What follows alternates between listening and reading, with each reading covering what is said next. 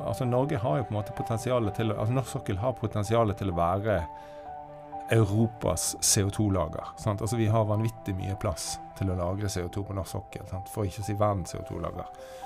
Eh, og det finnes jo også eh, altså Det er jo også forretningsmuligheter i dette. At Norge kan på en måte gjøre en økonomi ut av dette. Sant? For det at eh, Du kan jo tenke det, sant. Altså, vi har jo kommersielle selskaper som håndterer avfallet vårt her i Bergen. Sant?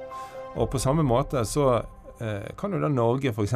bli ledende på å håndtere avfallet til Europa som er CO2, sant? og lagre det i bakken vår. Hei, og velkommen til Geologisk rapport. Mitt navn er Andreas Viken, og jeg er geolog. I denne podkasten skal jeg snakke med andre geovitere om et geofaglig tema, som skal gi deg innsikt i hvorfor geologisk kunnskap er viktig for samfunnet vårt, og la deg bli bedre kjent med disse geoviterne så håper jeg at du som er litt nysgjerrig på geologi, kan få lært litt mer enn det du kan fra før. Dagens gjest er Atle Rotevatn. Velkommen til eh, Geologisk rapport, Atle Rotevatn. Veldig hyggelig at du ville ta turen eh, hit i dag. Du er professor i strukturgeologi og bassenganalyser, og i tillegg instituttleder for uh, Institutt for geovitenskap men før vi skal snakke om din eh, geofaglige karriere, Atle, så skal vi gå løs på et tema som er veldig i veien for tiden, nemlig CO2-lagring, også kalt karbonfangst og -lagring, med forkortelsen CCS. Hva er karbonfangst og -lagring for noe? Jo, det er jo en uh, veldig viktig greie. Altså, nå som ser klimaendringer, og vi har mål for å redusere effekten av klimaendringene, begrense det sant, gjennom internasjonale avtaler, så er dette med CO2-lagring en del av det. Og det handler om å, å fange CO2 som vi ellers ville sluppet ut i atmosfæren, og putte den ned i bakken eh, istedenfor, for å spare atmosfæren for de utslippene, og dermed motvirke eller, eller forebygge eh, enda mer klimaendringer. Men da snakker vi om en type renselsesprosess der CO2 enten ville gått ut i atmosfæren, men så skal vi fange den. Det er ikke, dette er ikke en prosess der vi skal ta ut CO2 som allerede, allerede er kommet ut. Det er i prosessen der vi ville sluppe det ut. Det stemmer. Så for eksempel i forbindelse med sementproduksjon, som er et, et, av de mest utslippstunge Altså en av de mest utslippstunge industrivirksomhetene vi har, så går det an å fange sant? Altså isolere og fange den CO2-en som ellers ville sluppet ut i atmosfæren og transportere den og lagre den nede i bakken. Mm. Mm. Men hva slags rolle har eh, geologisk kunnskap og kompetanse for CO2-lagring? Den er helt sentral. Altså På samme måte som vi har hatt olje- og gassutvinning på norsk sokkel i 50 år, der eh, geologisk kunnskap har vært helt sentral for å både finne oljen og gassen, for å vite hvordan den oppfører seg under bakken, og for å få den ut, så trenger vi den geologiske kunnskapen for å vite hvor er det trygt, og hvor er det plass til å lagre eh, CO2. For det fungerer egentlig på samme måte. Altså at gass er lagret under bakken og kan være der i lang, lang tid, så kan vi pumpe den ut. Så kan også vi gjøre det motsatte og dytte CO2 ned i bakken og lagre det der med de mm. samme prinsippene. Jeg har jo hatt William her, og vi har jo snakket om eh, disse forutsetningene for eh, dannelse av olje og gass.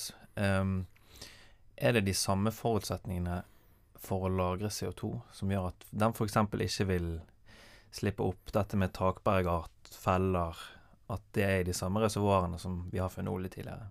Det er det. Det er akkurat de samme prinsippene, med unntak av at du trenger ikke noen kildebergart nedi der sant, for å produsere CO2. Den CO2-en den henter vi fra et annet sted, og vi den nedi der.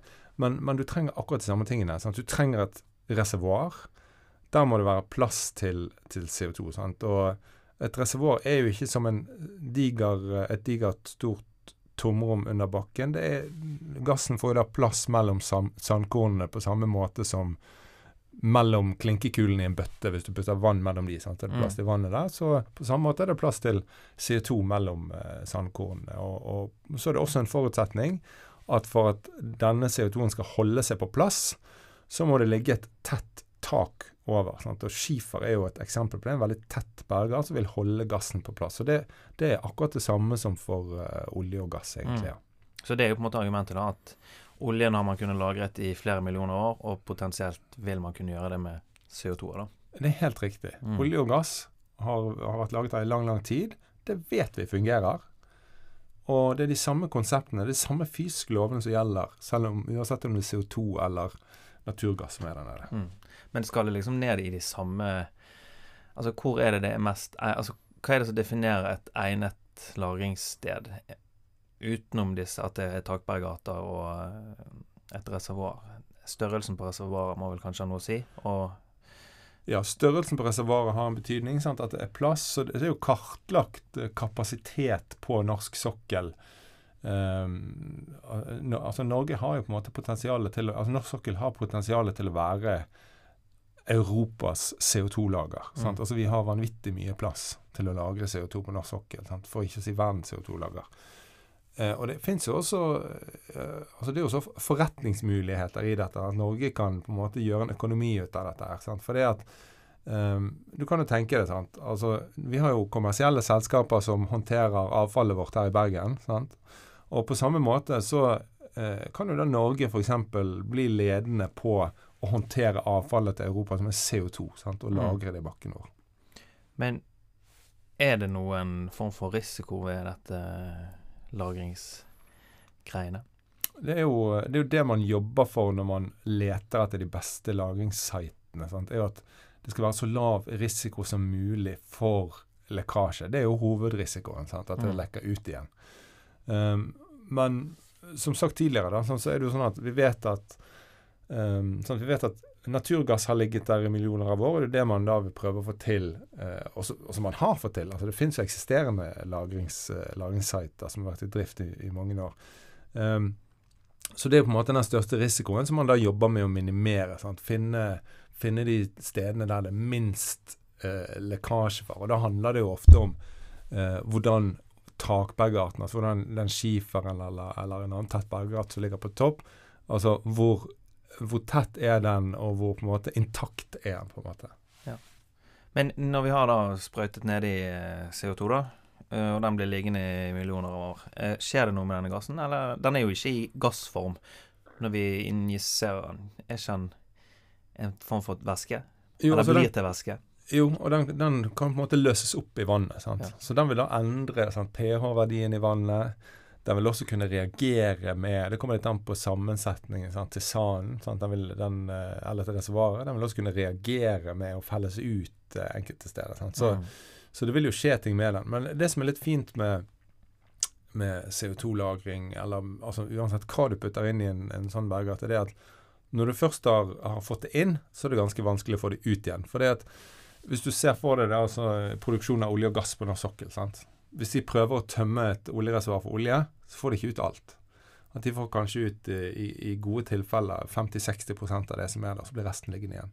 Så hvis man har klart å få CO2-en inn der, så får du ikke alt ut igjen. Altså det, det, er noe med det at noe av det blir liggende uansett hva du prøver på. Sant? Så så det er en del sånne mekanismer som da eh, vil, vil, holde dette på plass når det først har kommet ned der. Men selvfølgelig er jo da målet at alt skal bli liggende, ja. ikke bare liksom 40 av det. Men, ja. men eh, så nært som 100% som mulig.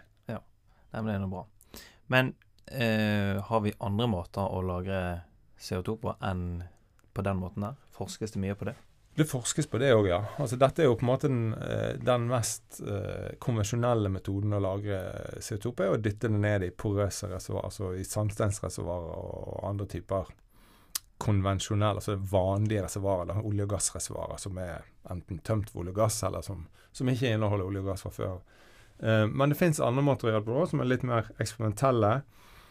Uh, som er så godt utviklet. Men f.eks. da altså lagring i bergarter der du på en måte da tvinger eller stimulerer til at CO2 reagerer med bergarten og binder mm. seg.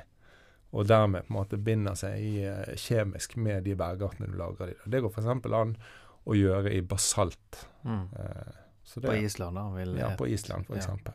Og da får du da felt ut et mineral som binder CO2? Ja, sant? da får mm. du jernkarbonatmineraler og sånne ting. sant? Ja. Dette Northern Lights-prosjektet, Atle, hva ja. går det ut på? Altså Northern Lights er jo et stort uh, fangst- og lagringsprosjekt. Altså Hele prosjektet heter Langskip. Um, og det handler om fangst og transport og lagring av CO2. Og Northern Lights er den delen av prosjektet som handler om transporten og lagringen under bakken liksom etter at du har fanget CO2-en. Og i dette prosjektet så skal man da fange utslipp på Norcem i Brevik, som er en sementfabrikk. Og som jeg sa tidligere, så liksom sementproduksjon gir veldig store utslipp. Så skal vi fange den CO2-en. Så blir den transportert med skip til Øygarden. Og fra Øygarden så vil den gå i rør ut til uh, området sør for Trollfeltet.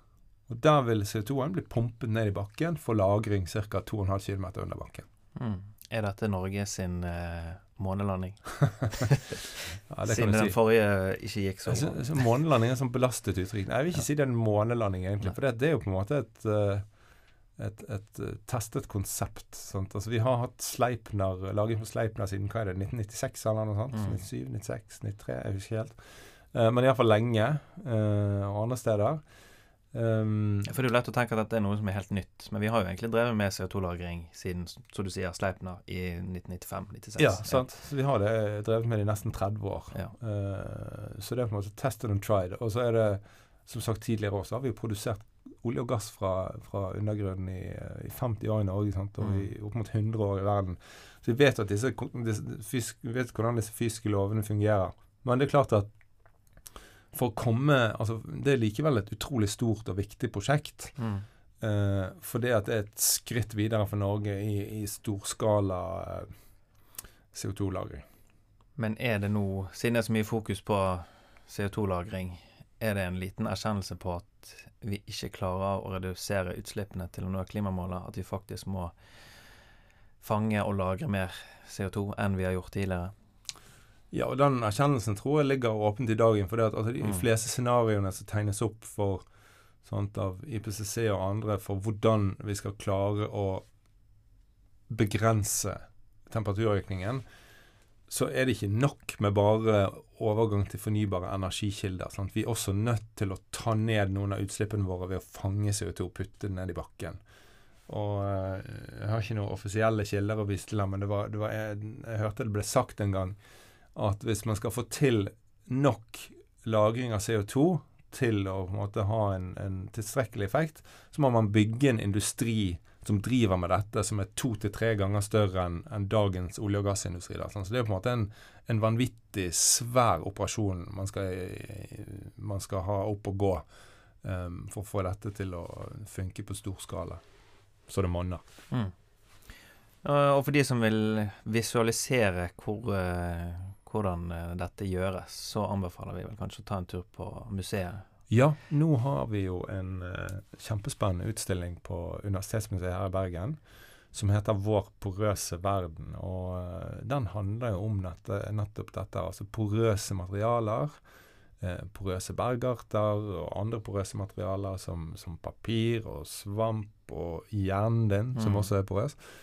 Um, tverrfaglig utstilling? En veldig tverrfaglig ja. utstilling. Den er utviklet uh, i samarbeid mellom eh, Institutt for geovitenskap, Institutt for fysikk og teknologi og Matematisk institutt og, og, de fantastisk dyktige folkene på Universitetsmuseet. Og, og, og måte The centerpiece liksom, i denne utstillingen er en svær CO2-rigg som vi har bygget. Det finnes ingen annen så stor CO2-rigg i hele verden. Så det er på en måte, Når jeg sier rigg, så er det på en måte ser ut som et stort akvarium. på en måte, et, et der vi har puttet sand og, eh, og leirelag på en måte nedi, eller alt er sand, da, mer eller mindre med, med større og, små korn, for å etterligne på en måte de egenskapene til reservoar og tak som vi har nede under havbunnen. Og så gjennomfører vi CO2-lagring i den riggen. Og, og, da kan du se hva som skjer når vi sprøyter CO2 inn i den, for da endrer du pH-en på det blå vannet som er der, og da er den blå det er en pH-indikator. Da endrer pH-en seg, og da kan du se hvordan hvor blir det av CO2-en, hvor blir den lagret, hvor kan den lekke, hvor kan den strømme osv. Så, videre. så det, det anbefaler jeg alle som er interessert i å lære mer om CO2-lagring. Ta dere en tur på Universitetsmuseet og eh, gå opp i tredje etasje på Vår porøse verden.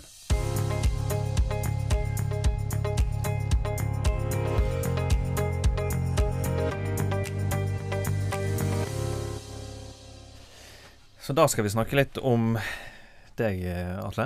Ja. Hvordan er hverdagen til en som både er professor og instituttleder? den, eh, den, er veldig spennende, vil jeg si. Altså, jeg, var, jeg var litt spent på hva jeg, hva jeg, gikk til når jeg begynte som instituttleder for noe, bare noen få måneder siden. Men uh, jeg må si det at det, det er veldig, veldig artig. altså. Mm. Professor har jo vært litt lenger, da. Så ja. nå, altså, nå, har jeg vært på institutt i, i ti år. Og liksom den Det er jo en fantastisk uh, artig jobb. Sant? Mm. Du kan jo Ja. Du får oppdage og forske på så mange spennende ting. Ja. Det er travelt, da, sikkert? Ja, det er, jo, det er jo travelt, men det er jo veldig gøy. Og, sant? og Noe av det kjekkeste er jo liksom den kontakten med, med, studenter. og Utrolig motiverende å se når studenter blir ferdige og går ut i jobb og ut og bidrar i samfunnet. og det er Kjempegøy. Mm. Men det å bli professor og for så vidt instituttleder, har det på en måte vært et mål langt fremme for deg å bli? Altså før du ble professor, selvfølgelig. Er det et, mm. er det et mål i en vitenskapelig karriere, tror du? Ja, det er nok det for mange, liksom, at hvis du først kommer inn i en sånn akademisk karriere, så, så ønsker jo man på en måte å, å, å få det opprykket, sant, å bli professor. Mm. Um, men jeg tror ikke man skal liksom la det bli, bli, bli, bli alt, komme altfor mye i, i, front, på en måte. Det viktigste er jo liksom å ha det, ha det, ha det kjekt, liksom. Gjøre noe sånn som så det egentlig gjelder i alle jobber. Sant? Ha, mm. Gjøre noe som man syns er interessant og spennende. og og, eh, og motiverende. Men, men, det er klart at uh, å bli professor er jo ganske stas, da. Ja, det vil jeg tro. Men hvis vi skrur tiden tilbake til 2004, da ble mm. du uteksaminert fra Universitetet i Oslo. Ja. Som kansient, som det heter. Yes. Og så tok du en ph.d. ved Universitetet i Bergen, mm. og disputerte i 2007. Mm. Kan vil du si, Er det noe forskjell på å studere geologi i Oslo kontra Bergen, vil du si? Altså, jeg, er jo veldig glad for at jeg har gjort begge deler. For ja. at, uh, jeg føler jeg har fått liksom det beste fra begge steder. Og Begge, altså både på UiO og UiB så er det jo kjempefine institu institutter. og Jeg kjenner mange Jeg har god kontakt med instituttet i Oslo sant, og mm. kjenner mange der. Så veldig flotte institutter begge to. Så jeg tror ikke det er sånn radikalt annerledes å studere her eller der. på en måte. Det er jo, det er jo mye det samme. sant? Altså, det, det, er jo det samme faget, det er veldig feltbasert. Og, så vil det være noen forskjeller. sant? Mm. Og vi, vi, har litt forskjellig fokus på, på hver institusjon, men, men, for meg var det kjempeartig. altså. Bygge nettverk, på en måte, da? Siden ja, du er på begge. Ja. Bygge nettverk og få impulser fra to ulike uh, institusjoner. Mm. Hva vil du si er de beste minnene fra studietiden din? da? Altså, både faglig og sosialt. både faglig og sosialt. Altså, altså, det å være student i altså, geofagene er jo fantastisk. Du reiser veldig mye ut sammen sant, på mm. tur. Uh, og det gir jo et veldig sterkt samhold. Så noen av de beste minnene fra uh, studietiden det har jeg fra noen av disse feltkursene. Jeg husker bl.a. vi hadde et fantastisk feltkurs i Tyrkia med Øystein Jansen, som ja. var her og besøkte det i podkasten for ikke så lenge siden. Og Wojciech Nemek, som uh, også er gått av. Fantastisk. Uh, og, og, vi har god kontakt med alle som var på det, på mange av de som var på det kurset den dag i dag, selv om det er liksom nå 20 år siden. Mm. Og, og, ellers er det jo liksom feltarbeid fra, som jeg holdt på med på mastergraden, eller hovedfag som det het den gangen som var på Grønland, uh, med veilederen min som det var Arild Andresen i Oslo. Og, og ja, masse sånne, masse sånne, flotte opplevelser. Det er liksom De opplevelsene fra felt er gjerne de som sitter best igjen. Det er det som går igjen òg. Det er det mm. folk sier, at det er mm. feltet. Og så er det det sosiale samholdet så du får av å dra på felt, og ikke ja. minst det som du gjør utenom eh, lesingen til eksamen og sånne ting. Og, ja. Ja. Så det er jo veldig bra at det mm. fortsatt er sånn. Eh, men det å bli geolog, da, Atle, var det et uh, mål du Altså Var det det du ville bli når du var liten? Nei, altså det var eh, Jeg snublet litt inn i det, egentlig. Altså På videregående så var jeg interessert i to ting. Det ene var historie, og det andre var realfag, og fortrinnsvis da kjemi, egentlig. Mm. Så jeg drev og debatterte litt med meg selv på en måte om jeg skulle studere historie eller gå inn i realfagene, og så ble det realfagene, da. Uh, jeg begynte med sikte på å ta en utdanning i kjemi, men så det var vel i andre semester så tok jeg geologi, og det syns jeg var så interessant. Altså det, det, det, var, det, var, altså det var I det første semesteret så var det en sånn fagdag der instituttene presenterte seg litt. Og det så litt gøy ut med geologi, så da tok jeg ett fag i det, altså ett kurs. Og dermed så var jeg solgt, og så penset jeg over på det. Så jeg snublet jo rett og slett bare inn i det. Du får jo litt historie inn i geologien òg. Du gjør jo det. Sånn, ja. sånn sett er det perfekte realfaget sånn, i, i naturhistorie. ja. Men du var ikke steinsamler sånn da du var liten, eller eh, sånn som mange kanskje er? På ingen måte. Nei. Altså uh, Litt tilfeldig. Det var helt sånn tilfeldig. Ja. Men uh, etter um, doktorgraden, mm. tenkte du nå at For da forsto jeg at du har jobbet litt i olje- og gassindustrien, mm. og så ble du um, førsteamanuensis etter mm. det. Riktig. Var det på en måte et, uh, en naturlig vei å gå på den tiden inn i olje- og gassindustrien? Det var ganske klart for meg Altså, jeg hadde hatt en pause i studiene mellom bachelorgraden og, og, og mastergraden. Mm. Eller kan mag og hovedfag som det het den gangen. Så da hadde jeg vært vekk fra studiene i tre år. Så jeg hadde måte, følt jeg hadde hatt en pause. Så når jeg kom tilbake igjen, så, så var jeg kanskje en litt moden student. Jeg var litt eldre enn de andre studentene. Når jeg var ferdig med doktorgraden, så var jeg 30. Og da um, da tenkte, da, jeg tenkte dette var såpass gøy at jeg har lyst til å fortsette med forskning. Men uh, jeg må kanskje ut en tur først. Mm. Uh, og da prøvde jeg å skaffe meg en jobb i olje- og gassindustrien.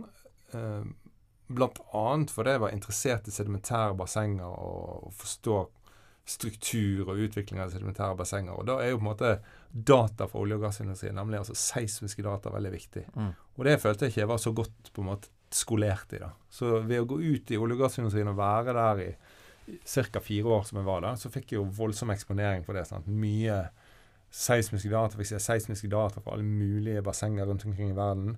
Og jobbe mye med det. Så når jeg kom tilbake og, til universitetet og klarte å skaffe meg en jobb på universitetet noen år senere, så hadde jeg jo da blitt langt mer dreven på bruk av undergrunnsdata som seismikk og sånn. Pluss at jeg hadde et, fått et stort nettverk sant, i, mm. innenfor industrien. Så det var veldig, veldig nyttig. Mm.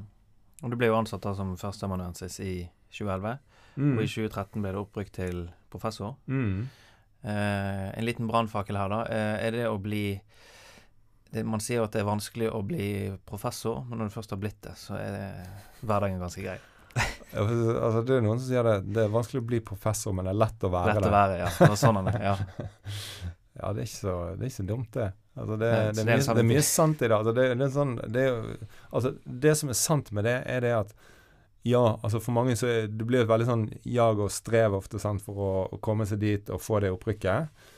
Og så er det sånn at um, altså de fleste legger seg ikke liksom på latsiden og tar ferie fordi om de får opprykk til professor, men poenget med at uh, man sier at det er vanskelig å få det, men det er lett å være professor, er jo det at det er en veldig privilegert stilling, egentlig. Altså man har stor grad av frihet til å forske på det man vil. Altså den forskningsfriheten. Mm. Altså Så lenge man klarer å skaffe forskningsfinansiering til det man er interessert i å drive med, så, kan man, så har man frihet til å forske på hva man vil, og ytre seg om hva man vil, selvfølgelig, og, og bidra på den måten man, man vil. da.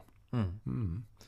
Men i tillegg til alt dette, da, så har jo du også vært veileder for veldig mange studenter. Opp mot 50 mm. masterstudenter og over 10 doktorgradsstudenter, og noen postdocs òg. Hva slags veileder vil du si at du er for studentene dine? Jeg håper jo at de vil si at jeg er en engasjert veileder som bryr meg, da. Og for det er iallfall sånn jeg føler det på innsiden, at uh, jeg bryr meg om studentene mine. Og det, det, er noe av det kjekkeste med denne jobben. Mm. Altså det er, det er det som gir mest tilbake. Sant? Det er mm. å ha den direkte kontakten. altså både gjennom undervisning, sant? Men, men altså veiledning. Vi reiser i felt sammen, vi går gjennom et forskningsprosjekt sammen kommer tilbake med prøver, sender dem til laboratoriet. Hva kommer ut av dette? her? Sant? Det er kjempespennende. Sant? Det er en liten mm. sånn gavepakke hver gang. Og så er det ufattelig motiverende sant? Når, uh, når de da gjør seg ferdig og kommer ut i jobb. Men, men, det, men, det, er ikke alltid det går på skinner heller. Nei. Og det er også en litt fin ting å være med folk i, på oppturene og nedturene. Sant? Da blir man jo kjent på godt og vondt. Mm. Jeg kan bekrefte det du sier, at uh, at du er en motiverende veileder, for jeg har snakket med noen av studentene dine. Ja, takk for det. Det, det, det er jo hyggelig å høre. de føler seg alltid bedre når de går ut, enn når de kommer inn. Ja, Det er veldig, det er er veldig fint å høre. Det, og det, det, gjelder jo litt andre veien. Man, får, man får veldig mye tilbake. sant? Mm. Boost og energi liksom av å ja, ha med studenter å gjøre. Mm. Men sånn, ja, når du snakker om boost og energi, når du får priser sånn som du fikk i 2013, denne Røysch-medaljen, jeg vet ikke om jeg uttalte det riktig. Mm -hmm. um. Ja. Det er jo uh, en pris eller en medalje for uh, vitenskapelig arbeid av høyeste internasjonal standard for en ung forsker. Denne får jo du i 2013. Um, vi får jo si at du var relativt tidlig i karrieren din her, da. Ja, altså jeg, var, jeg fikk den jo for uh, tildelt for året 2011. Sant? Og ja. da uh, Da var ikke du blitt professor ennå? Nei, nei. Så Nei, det var jo kjempestas. Og det er mm. jo uh, Det er jo en stor oppmuntring, selvfølgelig. Uh, og, og, først og fremst var jeg veldig takknemlig til de som hadde nominert meg, og de som hadde liksom bestemt at OK, jeg skulle få denne prisen. Så det er en stor motivasjon, ja. Mm. Og tilsvarende da, i 2018, da, med pris fra Olav Thon-stiftelsen for fremragende undervisning eh, med da 500 000 kroner. Mm. Hva gjør man med en sånn pris? Det, først og fremst blir man jo veldig glad. Det er jo ja. kjempestas. Altså, den, den, er kanskje noe av det som henger høyest, fordi at uh, Blant annet fordi at der er liksom studentene med å nominere. sant? Mm. Og det at det kommer fra studentene, det betyr jo veldig mye, da. Mm. Mm. Men, men, brukes liksom disse pengene til, til, forskning eller til undervisning? De får du rett i lommen. De får du rett i lommen. så gøy. Det, det, er liksom, altså De fleste ting i universitetsverdenen er jo sånn veldig sånn uh, Det er ikke veldig mye sånn pengepremier å hente, men det, det, er et unntak. da. Derfor var det faktisk en, en, en pengepremie forbundet med denne prisen her. Ja. Så da er det rett til Syden og bare leve livet, liksom? Ja, det kan man jo velge å gjøre det hvis man vil. Hvis man vil, ja. Men vil du, vil du, definere dette som et karrierehøydepunkt, den prisen? Absolutt. Ett mm. av flere. Ja. Noen andre du, som stikker seg ut? Sånn? Ja, altså karrierehøydepunkt altså, jeg, jeg, jeg, klarer ikke å liksom definere ett bestemt karrierehøydepunkt. Altså, for det at jeg føler liksom at uh, uh, Altså, man beveger seg liksom det går, sant, det går, litt opp og litt ned og litt opp og litt ned. Så man beveger seg liksom fra et høydepunkt til et annet. Sant? Altså, sånn, mm. og veldig altså Man kan jo ofte føle at, at det er priser og sånn type Hvis man får publisert noe i Nature eller Science, så er det liksom karrierehøydepunktene. Men jeg føler liksom at karrierehøydepunktene handler mye mer om menneskene. sant? Mm. Altså de du treffer på din vei, sant? og de du øh, jobber sammen med på din vei. Det er det som betyr aller mest. sant? Mm. Så det er på en måte sånn kontinuerlig karrierehøydepunkt. Det å få jobbe sammen med alle de øh, flotte folkene. Hvor går veien videre for uh, Atle Rotevatn når instituttlederjobben uh, ikke lenger er For det er jo en fireårs stillings... Ja. Uh, ja åremål, som det heter kanskje. ja. Hvor går veien videre? Det syns jeg er vanskelig å si. det er jo langt frem, selvfølgelig. Ja, altså hvis du hadde spurt meg for tre år siden eh, hvor går veien videre, så hadde jeg aldri svart at jeg skal bli instituttleder. For det, at, eh, altså, det har jeg alltid sagt til folk at nei, det skal jeg nå aldri bli. Så det var først liksom et år eller to før, før jeg faktisk søkte den stillingen, at, at, det var på en måte en sånn eh, lyst som begynte å vokse frem. da, og At mm. jeg tenkte at det hadde vært veldig spennende. Så hva jeg har lyst til når den åremålsstillingen er ferdig, det, det er vanskelig å si. Kanskje, kanskje får jeg lyst til å gå tilbake til eh, å være vanlig professor. Ta med en forskningstermin. Hadde en super forskningstermin på New Zealand for noen få år siden, og kanskje finne på noe sånt igjen.